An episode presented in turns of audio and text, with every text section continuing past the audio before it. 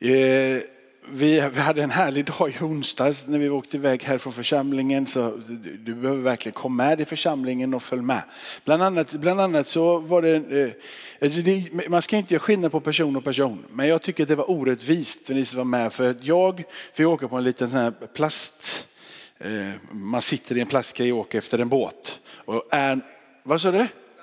Plastring heter det. Ja, och det fick Andrew också göra. Men jag tycker man gör skillnad på person och person här. För i min värld gick snabbare när de körde för mig och jag flög av. Men jag lever. Du har mer stabilitet. Fast du, kommer, du trillade ju i. Ja, men det ska vi inte prata så högt om. Hörrni, jag tänkte idag att eh, jag skulle vilja lägga grunden för, vi, vi pratar ju väldigt mycket om att Gud talar och sånt här. Och det, det, det gör vi oss. Och vi tror att Gud talar, vi tror att Gud delar och vi får ta emot saker och ting här borta. Va? Och vi, vi tror, jag har bland annat fått ett ord över mig som var lite konstigt. Vi, en, vi var några stycken som samlades för 40 stycken eh, vid, en, vid en period och då var det en, en, en tant, hon kan ha varit eh, typ 60 vid den tidpunkten, något år yngre kanske, eh, från, från Thailand, Eh, heter Jupin och hon kommer till mig och eh, säger, och profeterar, jag typ Gud säger. Och, och då var det någon annan som hade haft något annat ord innan här som jag inte ens vågar säga. För att, men men det, det stämde överens med det här. Men hon kommer och säger, jag ser du får träskor på dina fötter. Och de är alldeles för stora.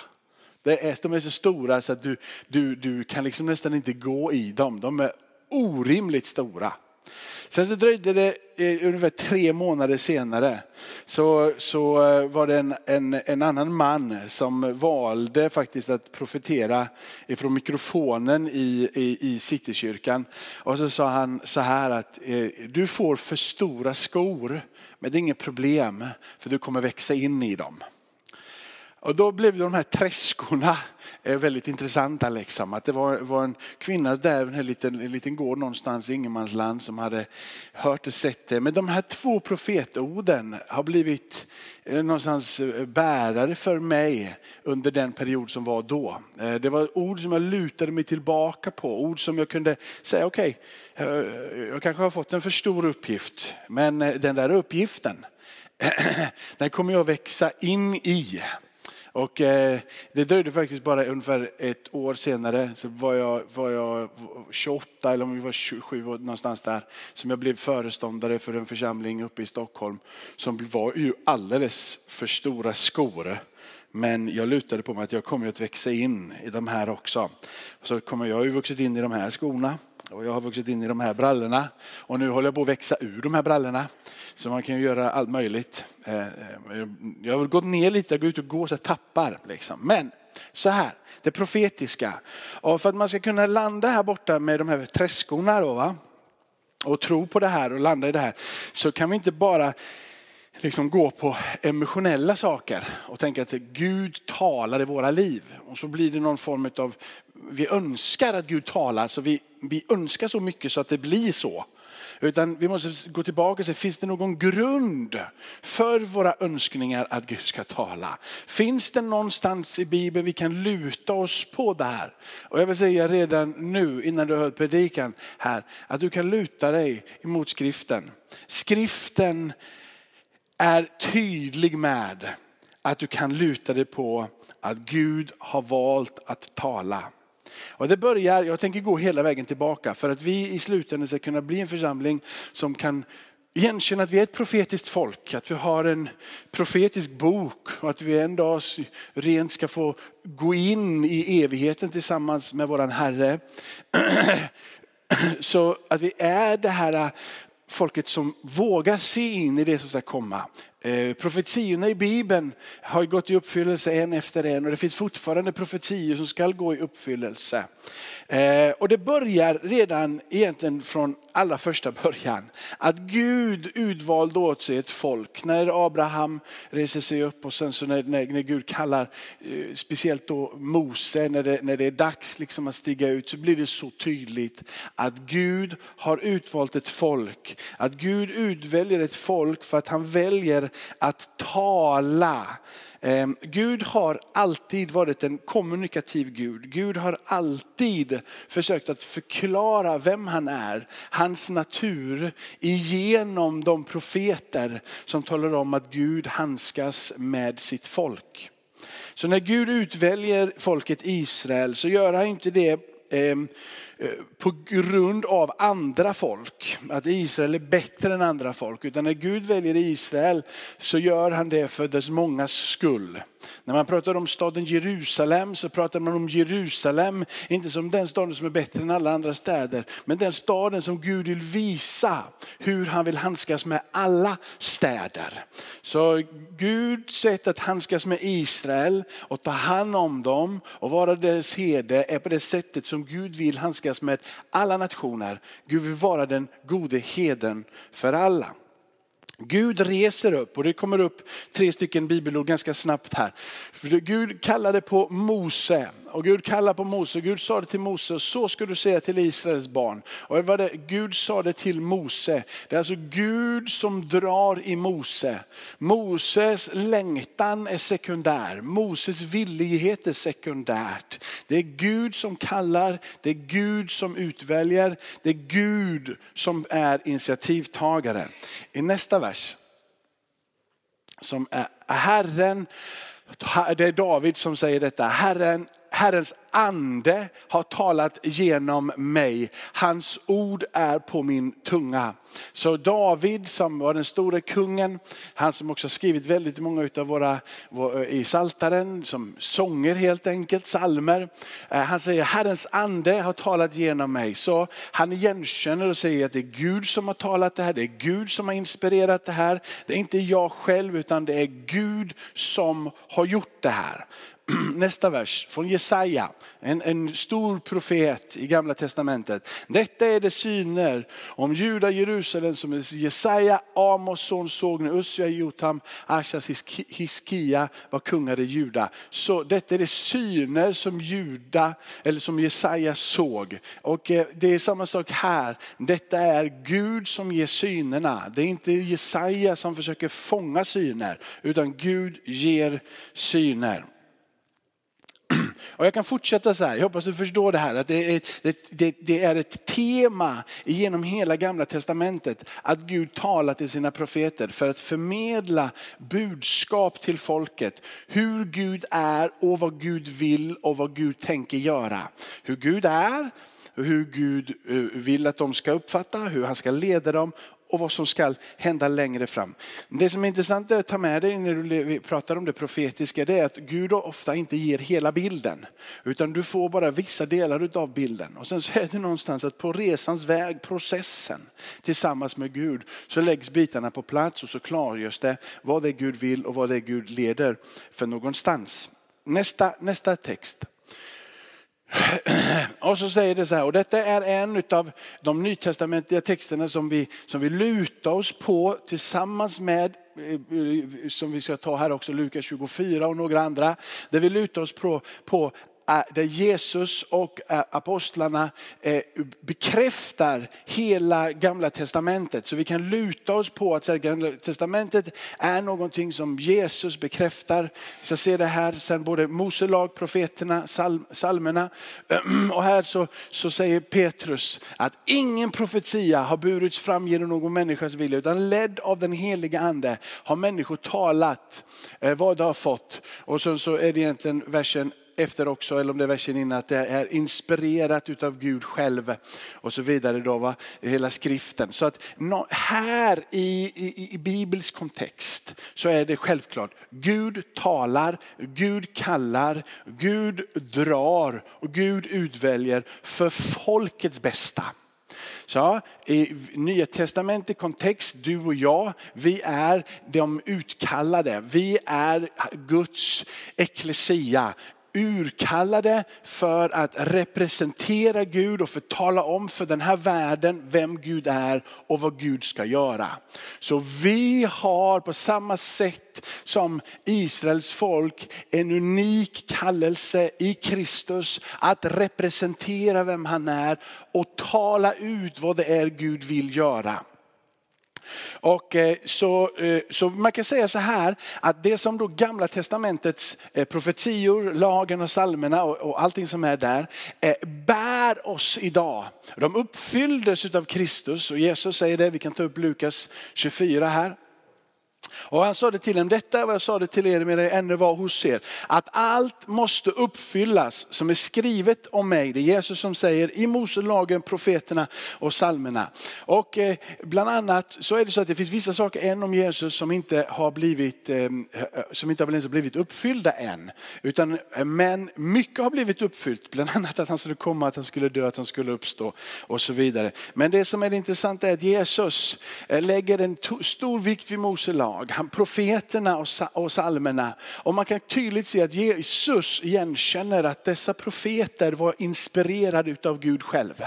Jesus, de, var inte, de hade inte tagit orden, de hade inte manipulerat fram orden, utan Jesus säger dessa profeter, bland annat Mose, David, Jesaja och med flera, de har blivit inspirerade utav Gud själv.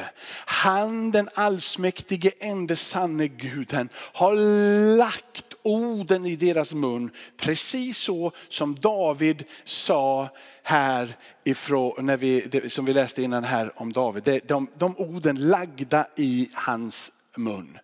Så Jesus säger, det är på det här sättet. Det som händer är, är Jesus, när, när, när den profetiska andan, eller anden, börjar verka i nytestamentlig kontext så är det likställt med vittnesbördet om vem Jesus är.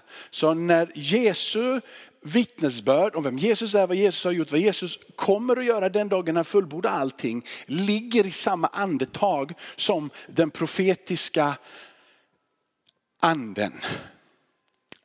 Är ni med? Det vill säga att när, när det som, Jesus är uppfyllelsen utav profetiorna. Jesus är uppfyllelsen. Han själv uppfyller det eftersom han är sänd av Gud och göra det Gud har sagt. För att också göra det senkommande som är sagt att han skall göra.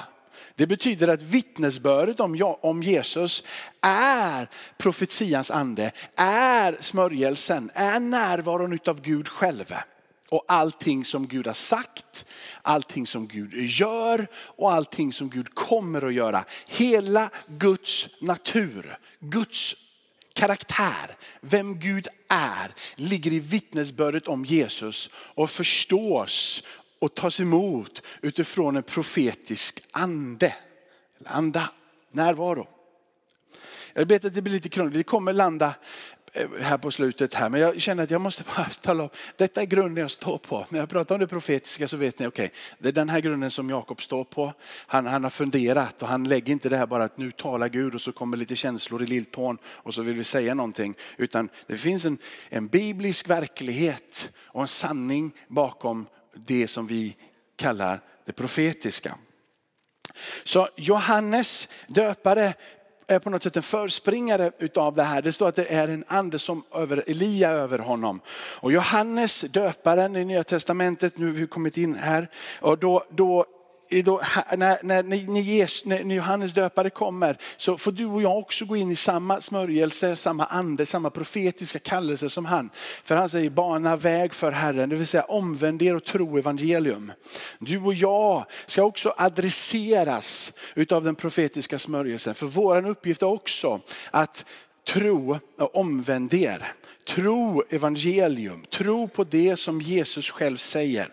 Det vill säga det, det profetiska ligger i samma andetag som vittnesbördet om vem Jesus är. Där i ligger hela Guds rikes förståelse. Jag vet att det är många ord, Mimmi, men det kommer bli några färre på slutet. Så om, eftersom det profetiska här nu då ligger över för att bana väg för någonting. Så är det så här att om den profetiska smörjelsen och profetiska, kalla det livet, det blir lite flummiga ord här va, skulle komma över våran församling. Så är det med ett enda syfte och med en enda riktning. Det är att uppenbara sonen. Det är att Jesus blir synlig, att Jesus blir upphöjd. Det är där i det profetiska ligger Det är därifrån det reser sig upp. Johannes säger, se Guds lamm som tar bort världens syn, synd. Den profetiska då, förståelsen att se vad det är Gud gör, synen, höra, ta emot eller vad det nu må vara, luta sig tillbaka på behovet utav Kristus. Så om Johannes var igenkänd som en profet i Nya Testamentet och talar ut, se Guds lam som tar bort världens synd, så kunde han inte se det med sina ögon, men han kunde ha fått det förstått genom anden som bodde i honom. Att den här mannen som kommer här, han kommer en dag dö där. Han tar bort världens synd. Så när Gud öppnar den här dörren, om jag får kalla det så, så är det inte att du helt plötsligt bara förstår allting klart och tydligt. Men det är som när du kastar ett ankare och ankaret kommer ner och fastnar på botten och du känner att båten sitter fast i någonting. Och du sitter där och du kommer inte någonstans med båten, men du ser inte botten. Du, du kan inte röra botten, du kan inte fånga botten, du kan inte se, men du känner att du sitter ihop lite av den känslan när det profetiska får komma. Det är som att du greppar det fast du ändå inte greppar det. Det är som att de där träskorna i den här profetian blir helt självklara. Och så blir det, så här, men det är klart att om jag köper för stora skor så växer jag ju in i dem. Det är klart att nej men om jag ställer mig här och gör någonting när jag är 20, om jag fortsätter göra det i 10 år och så är jag 30 här borta, då kommer jag ju bli skitbra på att ha gjort det för jag har gjort det under 10 års tid. Helt plötsligt så blir det som var en, var, var, det blir så naturligt samtidigt som det är högst andligt. Är ni med? Det andliga tar inte bort oss från verkligheten. När det profetiska kommer så simmar vi inte bort i någon avkrok utan det blir verkligt, det blir förståeligt, det blir nära. Men det bygger tro på att Gud är med. Gud har sett mig. Gud har varit med oss. Gud har varit närvarande. Helt plötsligt så blir inte profetorden det som blir det intressanta, utan att Gud är med oss. Gud har sett oss. Gud har hört oss. Guds, du har rört vid. Jag struntar nästan i de där profetorden, de blir inte viktiga överhuvudtaget. Men Gud har varit här. Är ni med? Det vill säga de profetorden i sig själv blir inte så stora. Men de kan hjälpa dig att tro på en stor Gud. Så från Mose ända till Uppenbarelsebok, hur länge har jag hållit på? 15? Ja, bra. Vi tar, vi tar 30-35, ungefär 30, 32 minuter tar vi. Från, från första Mosebok till, till Uppenbarelseboken så presenterar Gud sig eh, som en talande kommunikativ Gud. Det vill säga att Gud har alltid velat tala.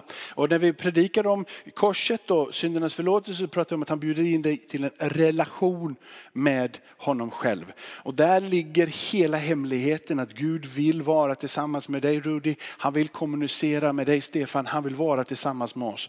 Så Gud är ingen stum Gud. Han är en Gud som talar. Den vanligaste frasen genom hela Bibeln, genom hela gamla testamentet är så säger Herren. Gud vill tala, Gud vill visa sig.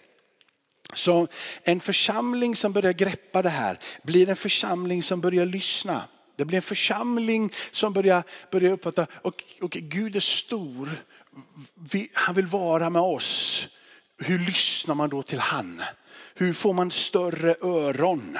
Hur, hur kommer man in till den platsen då? Om det nu finns en sån plats. Hur, hur uppfattar man då den allsmäktige, ende sanne Gudens röst? Hur lyssnar man till honom? Hur tror man på det som Gud har sagt? Om nu Gud talar, vad är det vi ska tala ut av det som Gud säger? Och vad är det vi ska be för att det ska bli verkställt. För att när Gud säger någonting så får du inte hela öppningen. Det är inte bara en stor port som öppnar sig, så alltså nu fattar jag precis allting. Du känner att du hör ihop och att du förstår att det är Gud och Gud blir större. Men det är fragment, det är en process. Det är som att Gud hela tiden sätter dig och mig i rörelse för att komma djupare och djupare och djupare och djupare in i förståelsen utav vem han själv är. Och när vi sen då får höra det här, hur agerar vi? ber, talar och hur rör vi oss tillsammans med Gud? Vad är det som du och jag gör för att komma in i det som Gud gör? Och vad är det vi ska vila i och låta Gud göra själv? Det här, är, det här är grunden för, för det profetiska i Bibeln kan man bara säga väldigt enkelt på 20 minuter nu eller vad det är 18-19. Mm, I Nya Testamentet så händer någonting på pingstdagen. Och då så, då så reser sig Petrus upp och börjar, börjar tala efter att anden faller. Och då så säger Petrus bland annat så här ifrån, han sitter, jag vet inte vilken, jag är på Joel där har jag nog skrivit upp va? Ja, och det är det här han profeterar ut och han säger, och det ska ske därefter att jag ska utgjuta min ande över allt kött. Och om det står allt kött så inkluderar det dig. Bonk, det är precis jag kunde inte understryka det mer, det är punkt liksom. Och så står det, och era söner och era döttrar skall profetera. Och anledningen till att de kan profetera är ju för att de har hört vad Gud har sagt. Du kan ju inte profetera innan du har hört.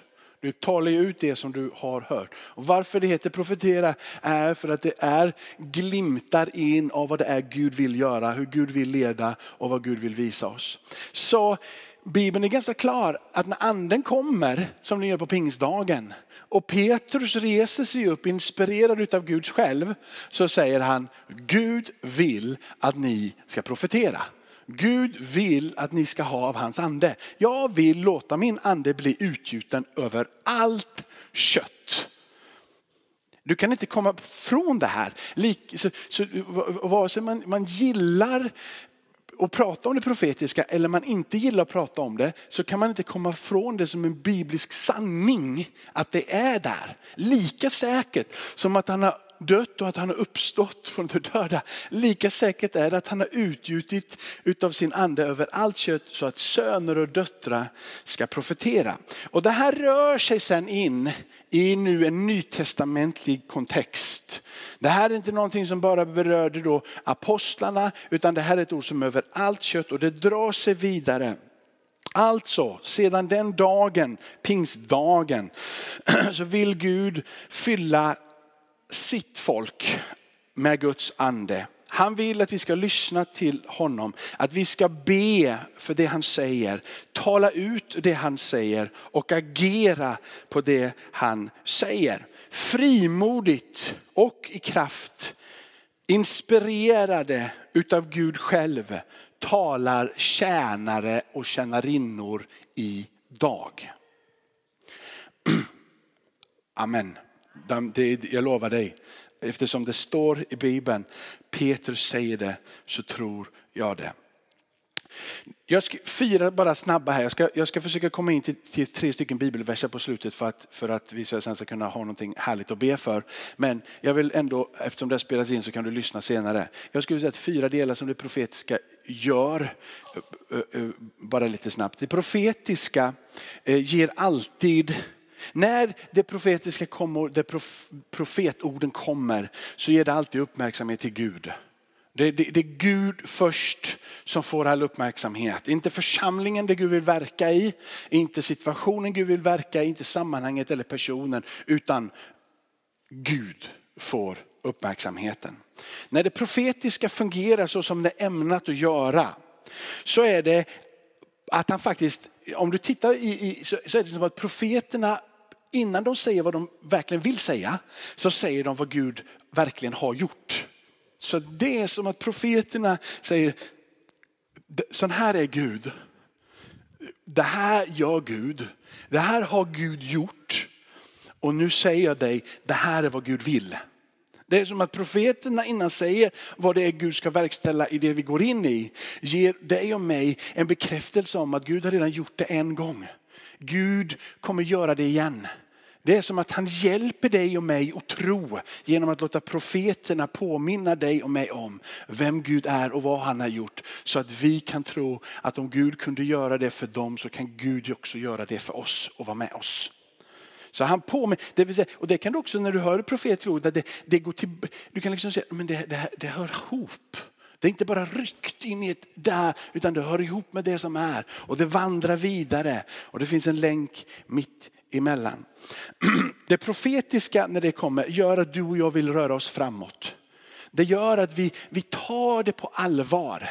Vi tar inte bara, okej okay, det var en fin, vi får se om det händer. När någon talar utifrån och ger Gud all uppmärksamhet bakåt och tittar inåt så är det som att det kommer en rörelse över dig och mig. Det är bara att se det som händer på Petrus när smörjelsen kommer över honom och han bara säger, okej okay, det är den här dagen som Joel profeterade om. Detta har hänt, detta är vad Gud har sagt. Kom ihåg, det här sa Gud genom profeten Joel. Det här hände, nu kommer det här över er och nu säger jag, nu är den tiden då Gud vill dra er framåt och in i de olika löftena som ska bli fullbordade när den ande som är Guds ande kommer över sitt folk. Och när det händer så är det en sak till som är, som är otroligt viktig. Då händer någonting. Hans närvaro är där. Det är som om att du känner den här förankringen. Du, ja, jag hör ihop. Jag, sitter, jag sitter fast här. Det, det är. Jag har haft människor som har kommit och profeterat över dom.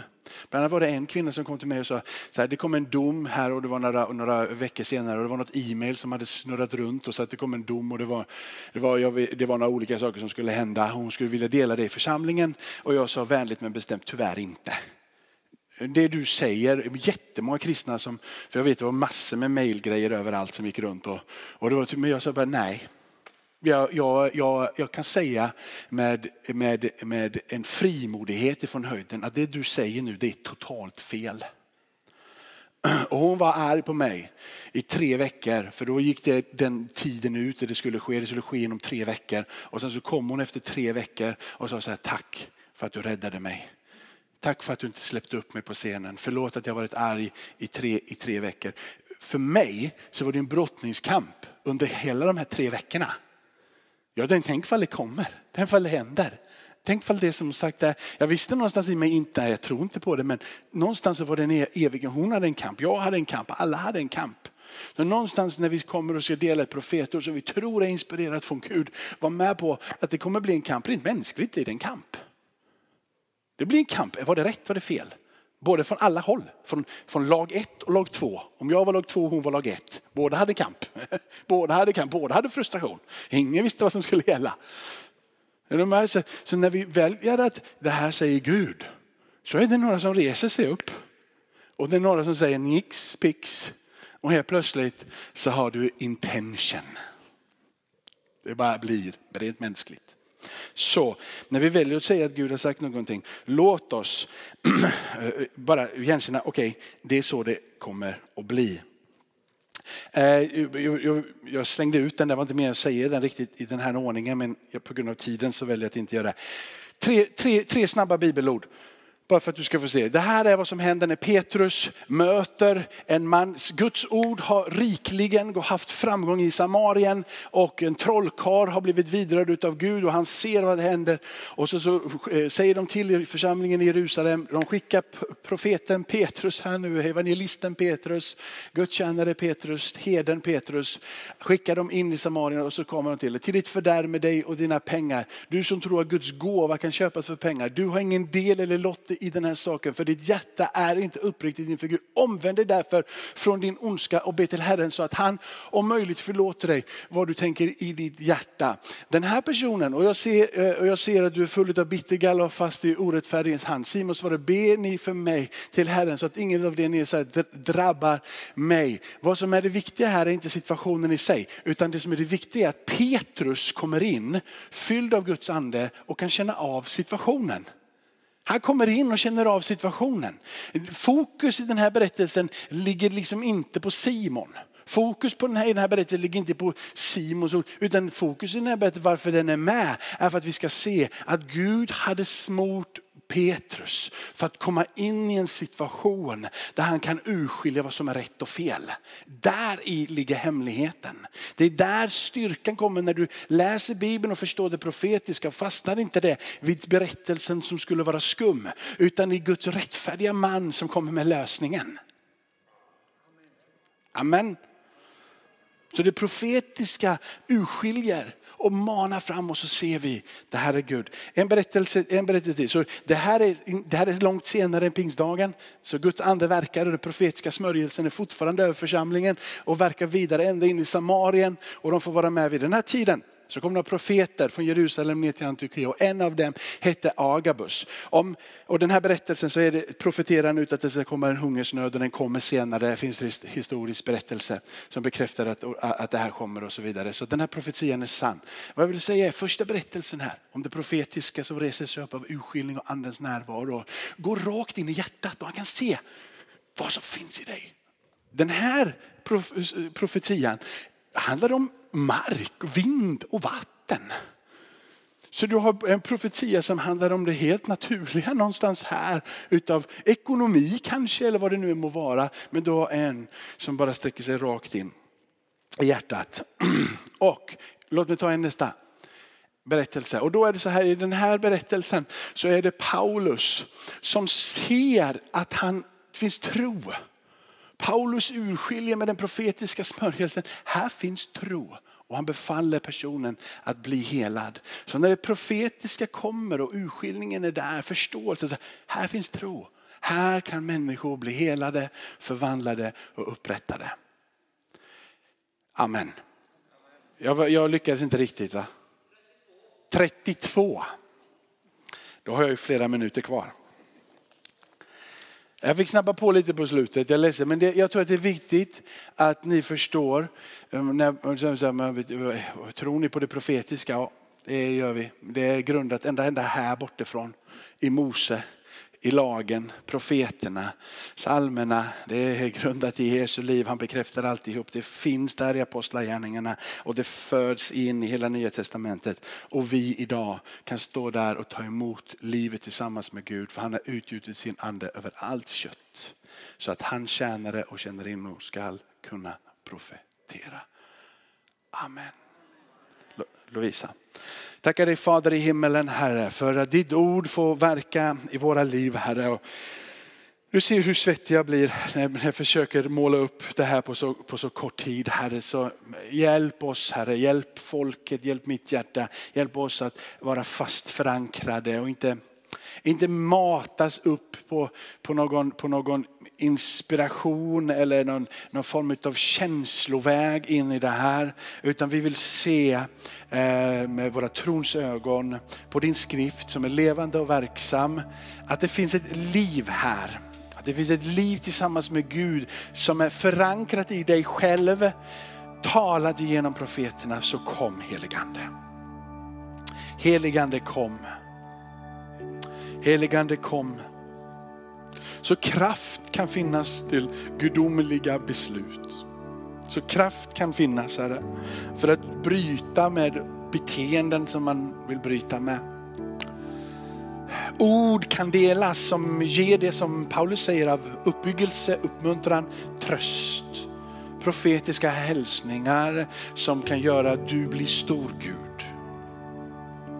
Kom heligande. Ta över avslutningen av den här gudstjänsten.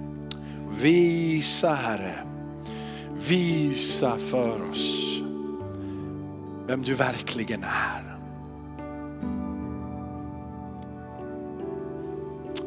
Därför att du gör våra hjärtan stora den här stunden.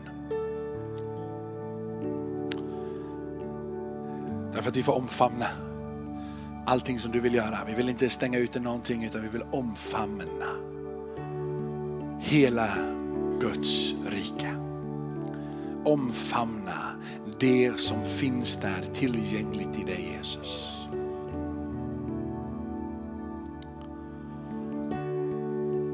Halleluja. Om du är här och du inte har tagit emot Jesus som frälsare så vill vi be med dig till frälsning.